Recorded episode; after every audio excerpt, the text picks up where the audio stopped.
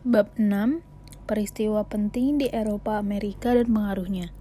Pertama kita membahas gerakan Renaissance. Jadi sebelum abad ke-14 Eropa tuh ada di masa kegelapan. Dan di masa itu kebudayaan dan ilmu pengetahuannya gak berkembang. Nah, jadi pemikir Eropa tuh berusaha buat nyari ide baru dengan mempelajari ilmu-ilmu yang ditinggalin sama bangsa Yunani dan Romawi. Bis, dalam bentuk karya seni, terus dimodifikasi gitu contohnya. Nah, terus di abad ke-14 sampai 17 lahirlah gerakan Renaissance. Jadi, Renaissance itu adalah zaman pencerahan atau zaman kembali ke kebudayaan Yunani dan Romawi kuno yang ditandai oleh ke kejayaan di bidang seni, pemikiran, kesusastraan, dan bidang lainnya. Sekarang kita bahas reformasi gereja.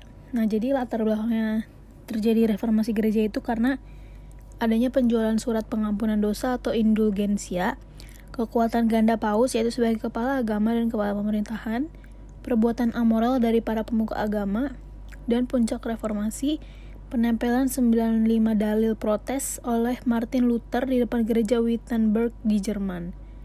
Nah, ada tokoh-tokoh reformasi gereja yang pertama adalah ajaran Martin Luther.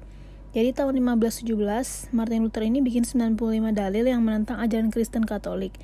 Jadi dia ngajarin gereja itu kumpulan orang-orang yang percaya, pemeluk agama Nasrani dan Yesus Kristus sebagai kepalanya. Jadi kepala gereja seperti Paus tuh udah gak dibutuhin lagi. Udah gitu karena ajaran Martin Luther ini bertentangan sama ajaran Katolik. Jadi atas desakan Paus, Kaisar Charles V mengundang Martin Luther ke Reichstag di Worms untuk lepasin ajaran-ajaran yang dianggap keliru sama gereja Katolik. Jadi dia bilang ajarannya itu bertentangan sama Injil. Dia kalau kalau ajarannya bertentangan sama Injil dia sanggup buat ngelepasin. Tapi karena nggak ada yang bisa membantahnya akhirnya Martin Luther nyat, menyatakan melepaskan hubungannya dengan kekuasaan gereja. Dia sebenarnya udah lepas hubungannya sama gereja itu sebelum terjadinya peristiwa Worms yaitu ketika Martin Luther membakar surat kutukan Paus. Tapi walaupun ajaran Martin Luther dianggap keliru sama Reichstag dengan hati yang tabah dia tetap memegang dalil-dalilnya. Terus setelah itu juga dia dianggap musuh negara. Jadi siapa pun boleh bunuh dia. Nah ketika Martin Luther kembali dia dibawa sama Friedrich Raja Sachsen dan diberi perlindungan di kota Wartburg. Di tempat ini dia menerjemahkan kitab Injil dari bahasa Latin ke bahasa Jerman. Jadi hal ini menimbulkan, menimbulkan dua akibat penting yaitu Sejak sejak saat itu bahasa dan kesusastraan Jerman terdorong untuk berkembang. Terus kedua, Injil dapat dibaca dan diselidiki oleh tiap-tiap orang, jadi mereka bisa punya pandangan tersendiri tentang ajaran Kristen. Nah, selanjutnya aga, uh, Martin Luther ini membentuk agama Protestan. Sifat umum agama proses, Protestan ini adalah memperbolehkan siapa pun mempelajari dan menyelidiki Injil, serta menempatkan manusia langsung di hadapan Tuhan. Pemeluk Kristen Protestan ini juga sangat mementingkan perseorangan dan kemerdekaan dalam hidup dan berpikir. Kemerdekaan berpikir ini biasanya bakal menimbulkan pemberontakan terhadap penguasa dan apabila nggak mampu memberontak maka mereka pindah ke tempat lain supaya bisa hidup secara leluasa dan merdeka. Contohnya perpindahan bangsa Inggris ke Amerika Utara. Jadi, pembaruan agama Kristen ini dipelopori oleh Martin Luther yang sering disebut dengan istilah reformasi gereja. Terus dua, yang kedua ini ada ajaran Calvin. Jadi John Calvin ini ahli hukum, lahir di Prancis tahun 1509. Dia ngajarin bahwa gereja ini dipisahin dari kekuasaan pemerintahan duniawi. Nah, kalau yang ketiga ini ada ajaran Anglikan di Inggris. Jadi awalnya raja-raja Inggris memeluk agama Katolik. Raja Henry Tudor berselisih dengan Paus karena Paus nggak mau ngasih izin Raja Henry untuk bercerai dengan permaisurinya. Jadi raja ini melepaskan hubungan gereja Inggris sama Roma dan sejak saat itu gereja Inggris sama Roma udah gak ada hubungan lagi. Jadi yang jadi kepala agama bukan paus tapi raja Inggris dan agamanya disebut Anglikan. Terus ada para reformator lain sebagai pendahulu Martin Luther dan John Calvin di Calvin di antaranya Jan Hus dari Bohemia, John Wycliffe dari Inggris, Peter Waldo dari Prancis, dan ketiga tokoh reformator ini dianggap pelopor protestan pertama. Keempat ada gerakan kontra reformasi atau counter reformation. Jadi salah satu implikasi dari gerakan kontra reformasi tertuang dalam bentuk seni barok. Barok ini berasal dari Italia, yaitu barocco, yang artinya mutiara, yang gak rata bentuknya. Seni barok ini muncul pertama kali di zaman Renaissance. Seni barok ini berkembang pesat di Italia, Spanyol, Jerman, dan Polandia. Dan juga muncul pelukis-pelukis terkenal di masa ini seperti Leonardo da Vinci dan Michelangelo. Jadi untuk untuk mengatasi keadaan seperti itu diselenggarakan perjanjian perdamaian agama di Augsburg tahun 1555. Dan di tahun 1618 pecah perang agama yang berlangsung selama 30 tahun dan berakhir pada tahun 1648. Kemenangannya ada di pihak Protestan dan selanjutnya diadakan lagi perjanjian agama di Westphalen. Lanjut kita mau bahas gerakan merkantilisme. Jadi di abad ke-16 dan ke-17 banyak negara Eropa yang berhasil menemukan bentuk dan identitasnya serta menjadi negara nasional. Terus uh, semua pemecahan permasalahan di dalam negeri ini memerlukan biaya yang cukup besar dan di abad-abad ini kegiatan perdagangan yang awalnya ada di Laut Tengah berpindah ke lautan yang lebih luas yaitu Samudra Atlantik. Di dalam kegiatan perdagangan ini, bangsa Spanyol, Belanda, Inggris, dan Prancis berhasil mendapatkan keuntungan dari pusat-pusat perdagangan yang sangat strategis di daerah dari daerah kekuasaannya. Raja-raja penganut merkantilisme contohnya Karel V dari Spanyol, Elizabeth dari Inggris, Prince Maurits yang waktu itu menjadi wali negara negara Belanda, Louis XIV dari Prancis. Nah, kekayaan logam mulia ini mengalir ke Eropa terutama melalui negara Spanyol, Portugis, Belanda, dan Inggris. Merkantilisme ini merupakan cara untuk mengatur kegiatan ekonomi dalam pertumbuhan kapitalisme pada awal zaman modern di Eropa. Terus proses Berlin, Roma, Tokyo ditandai dengan semangat Chauvinisme, yaitu ajaran yang dikatakan oleh Berthe Chauvin dari Prancis. Ajaran ini tuh bilang bahwa bangsa yang ditakdirkan lebih unggul dari bangsa-bangsa lain berhak buat menguasai bangsa-bangsa lain. Sekalipun Jerman sering dijuluki negara imperialis yang kesiangan, dia tetap menguasai beberapa daerah jajahan, contohnya Togo, Kamerun, dan Namibia, Afrika Barat Daya. Terus lanjut ke revolusi industri. Jadi, peralatan digunakan memakai sistem baru berjalan atau running the belt dan dijalankan secara mekanis, pakai mesin-mesin. Terus juga modalnya besar, tenaga buruhnya murah, serta daerah pemasarannya luas. Terus kehidupan sosial ekonomi Eropa pada masa pra-revolusi industri. Kita mau bahas itu. Jadi karena perdagangan di Laut Tengah dikuasai sama pedagang-pedagang Islam, kesempatan bagi para pedagang Islam untuk beraktivitas jadi terhambat. Tapi karena meletusnya perang salib tahun 1096 sampai 1291, kontak antara Eropa sama dunia timur mulai hidup kembali. Keadaan ini bertambah ramai dengan munculnya kota-kota dagang, contohnya Genoa, Florence, Venesia, dan lain-lain yang jadi pusat perdagangan di Eropa bagian selatan. Terus sekitar tahun 1200, home industry makin cepat berkembang dan bahkan membentuk kelompok-kelompok dalam bentuk gilda. Gilda ini adalah persekutuan dari pengusaha sejenis yang mendapat monopoli dan perlindungan dari pemerintah tentang kebebasan dalam berusaha. Sekitar tahun 1350, di Eropa mulai berkembang perserikatan kota-kota dagang yang disebut dengan Hansa. Dan sejak abad ke-14, Inggris di bawah perlindungan Raja Edward III mulai membangun industri-industri laken, sejenis kain wool. Nah, kalau revolusi industri di Inggrisnya, jadi perkembangan ilmu pengetahuan dan teknologi di Inggris itu maju banget karena didukung oleh faktor keamanan dan politik Inggris. Terus faktor lainnya juga ada penemuan oleh Abraham Darby, dia itu seorang insinyur berkebangsaan Inggris yang menggunakan batu bara atau coke untuk melelehkan besi dan mendapatkan nilai besi yang sempurna. Terus juga penemuan mesin uap oleh James Watt, insinyur berkebangsaan Skotlandia pada tahun 1763. Terus kita bahas para penemu dan hasil temuannya. Jadi penemuan besar yang awal, yang merupakan awal peradaban ini itu menonjol pada mesin tenun dan kain. Isaac Merritt, singer dari Amerika Serikat, berhasil memperbaiki mesin jahit yang rusak dan membuat model yang lebih baik. Terus dia mendirikan sebuah industri yang namanya E.M. Singer and Company. Di dalam di tahun 1860, perusahaan ini adalah perusahaan mesin jahit terbesar di dunia. Terus penemuan besar lainnya itu ada penemuan mesin cetak. Blaise Pascal, filsuf dan ahli matematika berkebangsaan Prancis itu nemu mesin hitung pada tahun 1642. Terus James Watt ini adalah bapak revolusi industry. Di tahun 1796, dia memperkenalkan mesin uapnya yang menggunakan kondensor. George Stephenson membuat lokomotif yang pertama kali dikendarai pada jalur yang menghubungkan Liverpool ke Manchester tahun 1830. Lokomotif ciptaannya ini dikasih nama Rocket. Dia adalah pelopor dan organisator perusahaan kereta api penumpang. Nicholas Joseph Cugnot dari Prancis dan Gottlieb Daimler dari Jerman berhasil memperkenalkan mobil yang digerakkan dengan tenaga uap. Lalu Henry Ford dari Amerika Serikat bangun pabrik mobil di Detroit tahun 1876.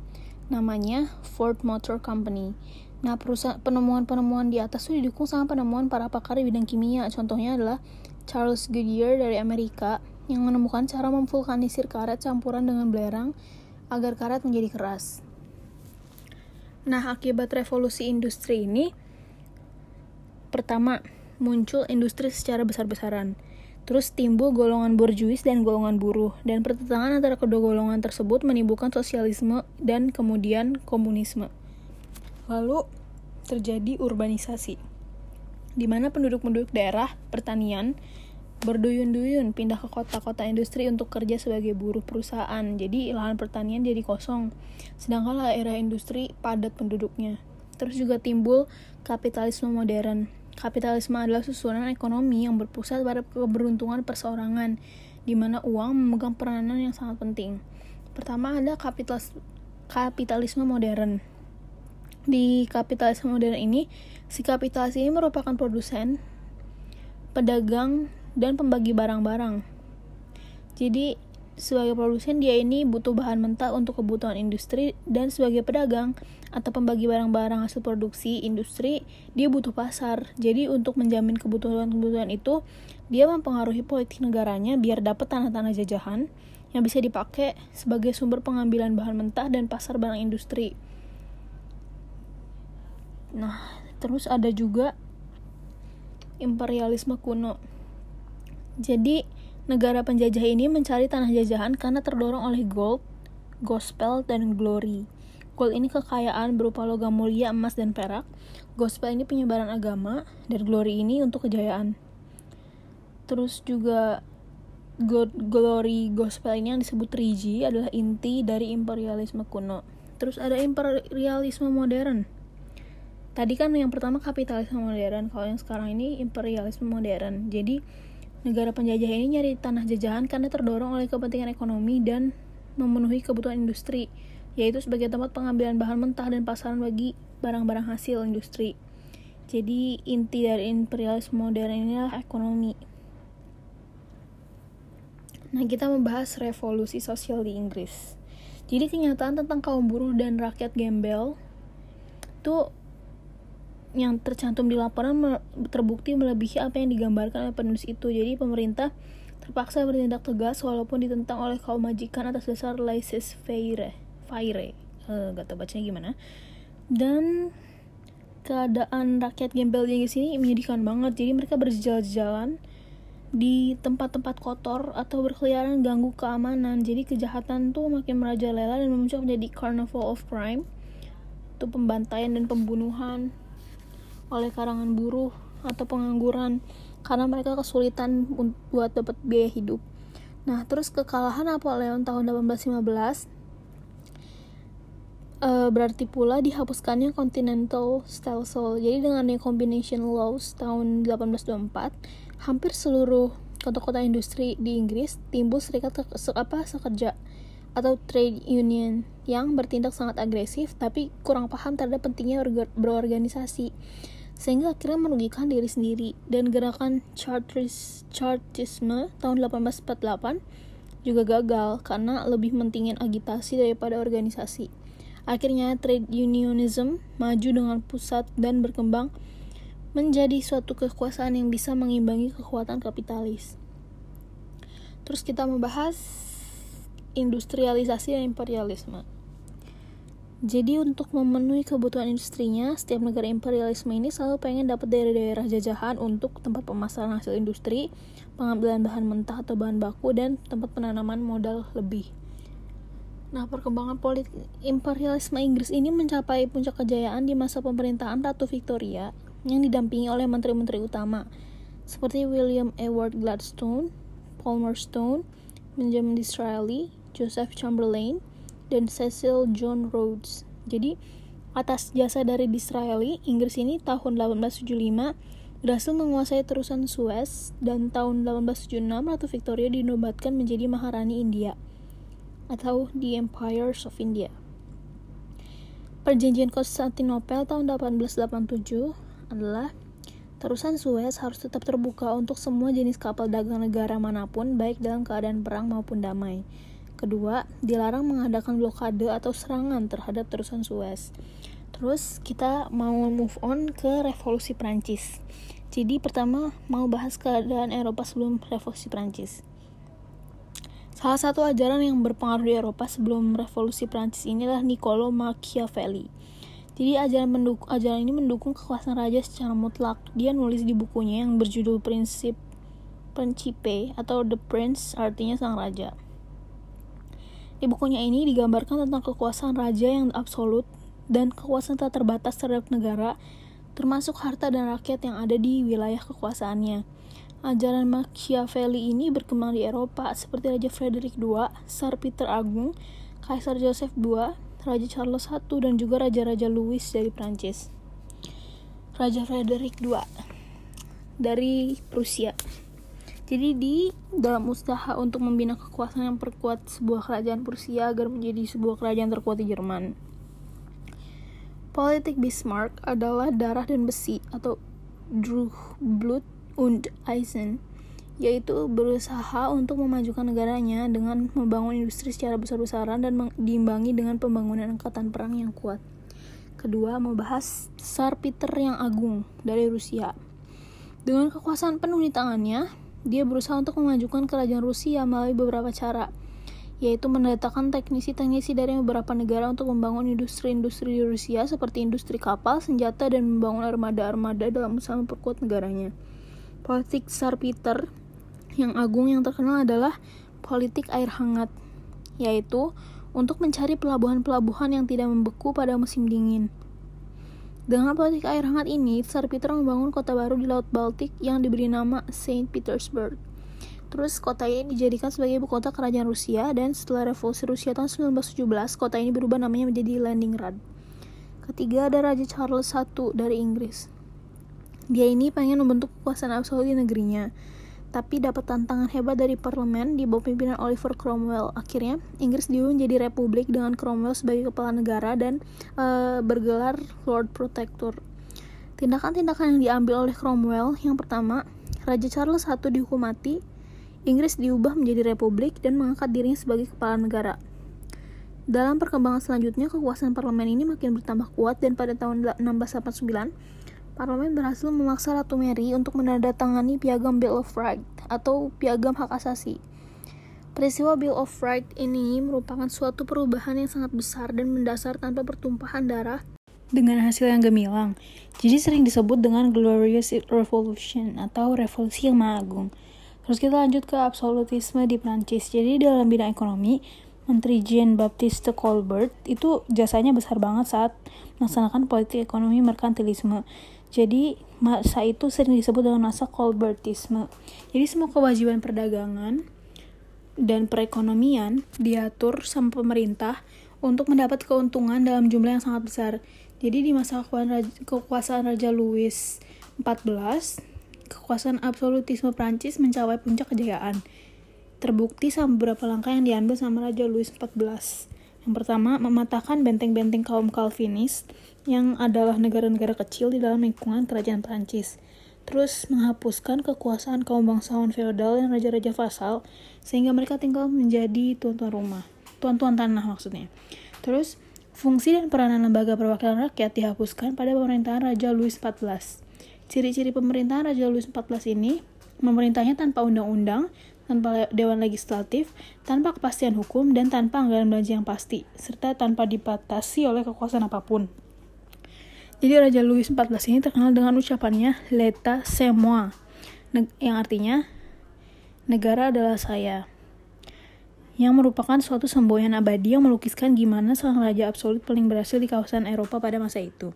Masyarakat kota ini merupakan penentang utama terhadap sikap dan pemerintahan Raja Louis XIV. Golongan ini sifat-sifatnya yang pertama, menjunjung tinggi asas asas persamaan, kebebasan, dan menggunakan akal pikiran yang sehat dan serba perhitungan, serta bersifat liberalisme.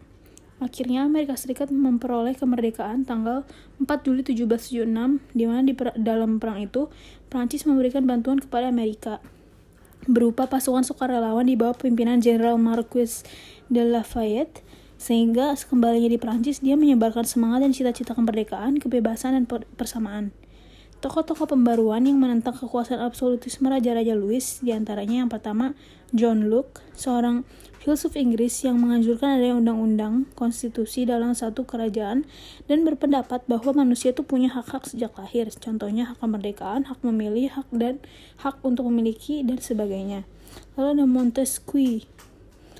Dia adalah filsuf Prancis dalam bukunya L'Esprit de Loi atau The Spirit of the Law yang menyatakan bahwa suatu negara yang ideal adalah yang kekuasaannya dibagi atas tiga kekuasaan, yaitu legislatif, eksekutif, dan yudikatif. Legislatif itu pembuat undang-undang, eksekutif pelaksana undang-undang, dan yudikatif itu yang mengadili setiap pelanggar undang-undang. Terus tokoh selanjutnya ada Jean-Jacques Rousseau, Rousseau, filsuf Prancis, dalam bukunya yang berjudul Du Contrat Social atau Perjanjian Masyarakat, yang menyatakan bahwa manusia sejak lahir adalah sama dan merdeka. Oleh karena itu, dia mengajukan sistem pemerintahan demokrasi atau kedua ulatan rakyat dengan semboyan dari rakyat, oleh rakyat, dan untuk rakyat. Lanjut ke sebab-sebab revolusi Prancis dan perkembangannya. Karena e, sebab khusus terjadinya revolusi Prancis ini adalah karena masalah penghamburan uang negara yang dilakukan oleh permaisuri Raja Louis XIV yaitu Marie Antoinette beserta putri-putri istana lainnya. Klimaksnya itu adalah serangan terhadap penjara Bastille tanggal 14 Juli 1789. Penjara ini adalah lambang kekuasaan dan kewenangan Raja-Raja Louis. Nah, semboyan revolusi Prancis adalah liberté atau liberty atau kebebasan, égalité, equality, persamaan, dan fraternité atau fraternity, persaudaraan. Lagu kebangsaan Prancis ini adalah La Marseillaise dan tanggal 14 Juli diperingati sebagai Hari Nasional Prancis. Kerajaan Prancis ini diubah menjadi sebuah republik dan diperintah oleh pemerintahan teror atau reign of terror. Jadi suatu sistem pemerintahan dengan cara-cara diktator. Tanggal uh, tahun 1795 untuk menggantikan sistem pemerintahan teror itu dibentuk sistem pemerintahan direktori tapi nggak berhasil mengatasi kekacauan-kekacauan yang terjadi di Prancis. Dan keadaan seperti ini memberikan kepada seorang jenderal muda yang namanya Napoleon Bonaparte untuk menyelamatkan negara Prancis dari kekacauan, pergolakan, dan peperangan. Nah, keberhasilan ini membawa namanya terkenal dan mendapat kepercayaan dari rakyat Prancis untuk jadi pemimpin, sehingga rakyat Prancis ini mengangkatnya menjadi seorang konsul pada Republik Prancis tahun 1799.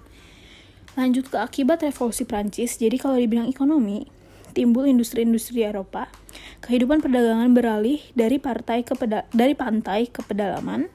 Inggris kehilangan pasar di Eropa karena Perancis menjalankan politik kontinental. Dan itu aja. Jadi kita melanjut ke revolusi Amerika. Pertama dari latar belakangnya. Pertama, perang selama 7 tahun melawan Inggris antara Perancis di mana dimenangkan oleh Inggris dan mengakibatkan dibentuknya negara Amerika Serikat. Kedua, pajak tinggi yang diberlakukan oleh pemerintah Inggris terhadap rakyat Amerika. Terus peristiwa menjelang revolusi itu adanya slogan no taxation without representation yang artinya tidak ada pajak tanpa perwakilan rakyat Amerika di parlemen Inggris. Kedua, adanya buku karya Thomas Paine yang berjudul berjudul Common Sense. Terus ada peristiwa The Boston Tea Party atau pembuangan muatan teh milik kapal dagang Inggris oleh rakyat Amerika. Terus kalau membahas puncak revolusinya adalah dibacakannya Declaration of Independence tanggal 4 Juli 1776. Dan tokoh revolusi Amerika ini ada George Washington, pemimpin militer, Thomas Jefferson, perancang teks Declaration of Independence, Thomas Paine, Paine, penulis buku Common Sense yang membangkitkan semangat nasionalisme Amerika, Benjamin Franklin, tokoh diploma, diplomasi, Lafayette, jenderal perang Prancis yang membantu perjuangan rakyat Amerika. Jadi suku Indian itu adalah penduduk asli benua Amerika, tapi setelah datangnya para penjajah dari Eropa, suku Indian itu terdesak ke daerah-daerah pinggir karena nggak bisa mengimbangi lawan-lawan mereka yang lebih kuat. Jadi pendatang dari Eropa ini untuk daerah-daerah koloni yang terletak di Amerika Utara. Kebanyakan para pendatang dari Eropa itu berasal dari Inggris, dan mereka banyak berdatangan ke benua Amerika terutama sekitar abad ke-17. Saat itu di Inggris terjadi penindasan terhadap golongan Puritan yaitu sekelompok masyarakat Inggris yang gak mau meluk agama Anglikan yang dianut sama raja. Karena penindasan tersebut, mereka menyingkir mencari tempat kebebasan yaitu ke Amerika Utara. Dan pada abad ke-18 sampai 19, gelombang pendatang dari bangsa-bangsa Eropa makin besar. Selain untuk mencari kebebasan, mereka juga nyari kehidupan yang lebih baik di benua Amerika, sehingga daerah-daerah koloni makin berkembang. Waktu terjadi peperangan antara Inggris dan Prancis tahun 1756 sampai 1763, kaum kolonis diajak Inggris untuk sama-sama menghadapi Prancis. Karena kekalahan Prancis, maka Kanada harus diserahkan kepada Inggris. Rakyat koloni mengharapkan pengertian dari Inggris atas bantuan yang mereka berikan, tapi Raja George III menghendaki pengawasan yang lebih ketat terhadap daerah jajahan, bahkan bahkan dengan alasan untuk membiayai pasukan diumumkan bahwa London akan mengadakan pemungutan pajak dari kaum koloni. Kaum koloni menolak perintah tersebut, sedangkan Raja George tetap mempertahankan pendapatnya, jadi menyebabkan kehidupan rakyat makin menderita. Semboyan yang terkenal dari rakyat untuk menentang peraturan pajak itu adalah no taxation without representation, yang artinya nggak mau bayar pajak kalau nggak punya wakil-wakil di parlemen Inggris. Tahun 1755, kaum kolonis mulai mengangkat senjata setelah usaha perundingan antara Raja George dengan Benjamin Franklin yang mewakili kaum kolonis gagal. Ada juga secara garis besar penyebab timbulnya perang kemerdekaan Amerika Serikat, yaitu Pertama, keinginan untuk mendapat kebebasan sebagian besar kaum koloni penduduk Inggris yang meninggalkan tanah airnya untuk nyari kebebasan hidup dalam segala hal. Terus, adanya pemungutan pajak yang tinggi. Pajak-pajak yang dituangkan dalam Revenue Act, Debilitating Act. Hah, gimana? Revenue Act, Debilitating Act, nggak tahu gimana bacanya tahun 1764 oleh Raja George III menyebabkan penderitaan bagi rakyat Amerika Serikat. Lalu peristiwa Boston tahun 1773 di bulan Desember 1773, sekelompok orang yang menyamar sebagai suku Indian Mohawk berhasil menenggelamkan muatan kapal Inggris yang memuat teh dan sedang berlabuh di Boston, yang disebut The Boston Tea Party. Terus kejadian ini, dengan kejadian ini, Inggris marah dan mengeluarkan undang-undang baru yang oleh kaum koloni disebut sebagai The Cave Act. Tahun 1776 diproklamirkan kemerdekaan Amerika Serikat yang ketika itu terdiri atas 13 koloni oleh Thomas Jefferson. Peperangan antara rakyat koloni dan Inggris ini dibantu juga oleh Prancis yang membantu pihak koloni sebagai balas dendam terhadap kekalahannya. Tahun 1863 oleh Inggris, salah seorang jenderal Prancis yang paling terkenal membantu peperangan ini adalah Lafayette yang kemudian lari yang kemudian menyebarkan juga semangat kemerdekaan pada rakyat Prancis. Peperangan antara rakyat koloni dan Inggris itu sendiri berakhir tahun 1783 dengan kemenangan rakyat koloni atau Amerika Serikat. George Washington yang memimpin tentara di waktu perang kemudian diangkat sebagai presiden pertama Amerika Serikat. Selesai, semangat!